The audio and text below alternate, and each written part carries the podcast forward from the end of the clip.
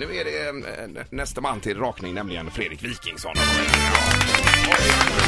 Som alltid stum av beundran för att ni är så jävla duktiga på bara, ah, det här flödet som sker. här. Jag, det, jag älskar sånt här när det Oj, funkar. här- Ja, men vad fan! Det.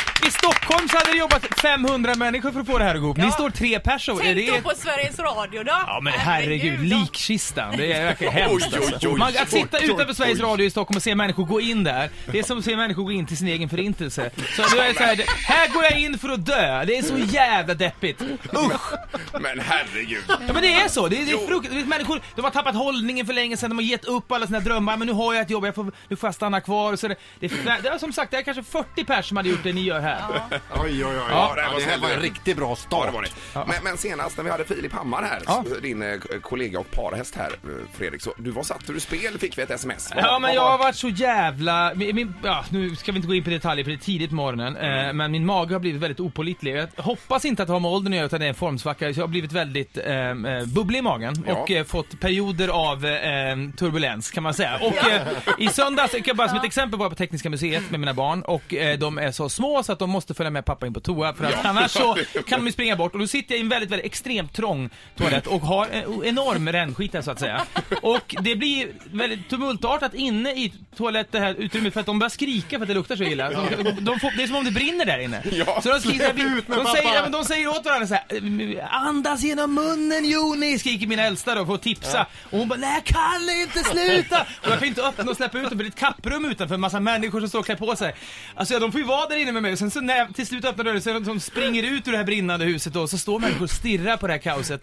Nej, hemskt. Och den här, jag vet inte, jag borde Åh, göra herregud. något. Jag borde göra något. Men det var Ja. det som hände sist Ja. skulle vara Ja, med jag ber om ursäkt för det. program. Och- Fast vi tyckte det var roligare att spinna på någonting annat. Jaha. Ja, men det här Det var kan jag ju- tänka mig att ni spann och det, får ni, det, är det, det är satta på jorden för att göra. Ja, och Man- Filip han spände ju på det också. Ja, det han Ja, men det är klart. Ja. Men sen kom det ett sms ifrån dig där det stod God Jul. Ja.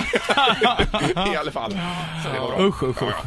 Nej, vi lämnar det och eh, fokuserar på hissen. Kommer Ja, ett det program. kan vi fokusera på. Ja, det tycker jag. Ja. Alltså, fe- 5 februari. Vi har sett trailers som går på kanal 5 här. Ja, de, Kolla det, på. det är lite märkliga trailers där, eh, hur de nu ser ut. Det, konceptet är helt enkelt, att vi har eh, ofta tänkt på vad som, eh, att man förmodligen skulle lära känna människor jävligt bra om man fastnar i en hiss med dem i, låt säga, åtta timmar. Eh, och om man nu vill intervjua folk, eh, som vi vill, eh, då kan det vara ett nytt sätt att göra det på. Att man inte har, man, det finns inga kameror i hissen, det är precis som om man satt i, vi har byggt en hiss för vi vill göra liksom lite special och lite snyggt och sådär. Ja. Men vi låser in oss själva i sex till åtta timmar och så sitter man bara där och snackar. Med en gäst. Med två gäster. Två gäster, Ja, okej, och i ja. första programmet är det då den här lokal eh, idol. Jag vet inte, han kanske är en vattendelare här, Lasse Kronér. Jag vet inte, men vi tycker ju väldigt mycket om honom. Ja, Sverige visst, gör ja. ju det. Ja. Så det är han och Anna Anka som, eh, som är någon slags motpoler och eh, de har ju heller aldrig hört talas om varandra, vilket är en bra start tycker jag. Mm. Eh, och Anna Anka Vadå, frågar... har Lasse aldrig hört talas om Anna Anka? Ja, jag har bara vag aning om vem du är, jag läser ingen, jag har ingen koll. Och så säger hon så här, vem är du då? Ja, jag skriver låtar och så. Säg en låt du har skrivit då. Och han blir helt tyst för han har ju inte skrivit någon som folk känner till. Det, var Nej, så, nej. det, det kändes som att Lasse Kronér där och då insåg att han kanske inte är låtskrivare ändå. Nej, utan mer programledare. Mer programledare Ja, så visst, ja. Men det Nej, låter men- ju som en väldigt rolig Ja men det är en bra mix och, och sen blir det väldigt dramatiskt för hon måste spy för att hon blir så illamående och sen börjar hon gråta för att det är traumatiskt och Lasse blir så jävla, han berättar om någon drogupplevelse.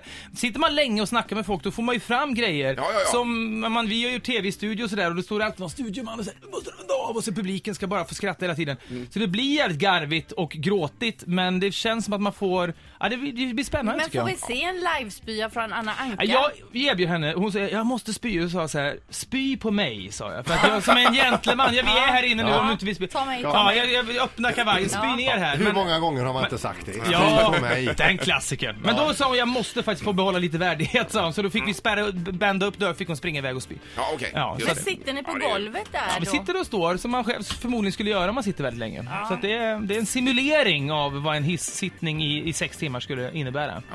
Ja, det låter ju som ett jätteroligt Men det är ett härligt sätt. Ja. I något annat program har vi så här Mark Levengood och porrstjärnan Puma Swede som också är så här härliga världar som möts och sådär. Så att det, det är kul. Vilka kontraster det blir här Ja. eh, framöver.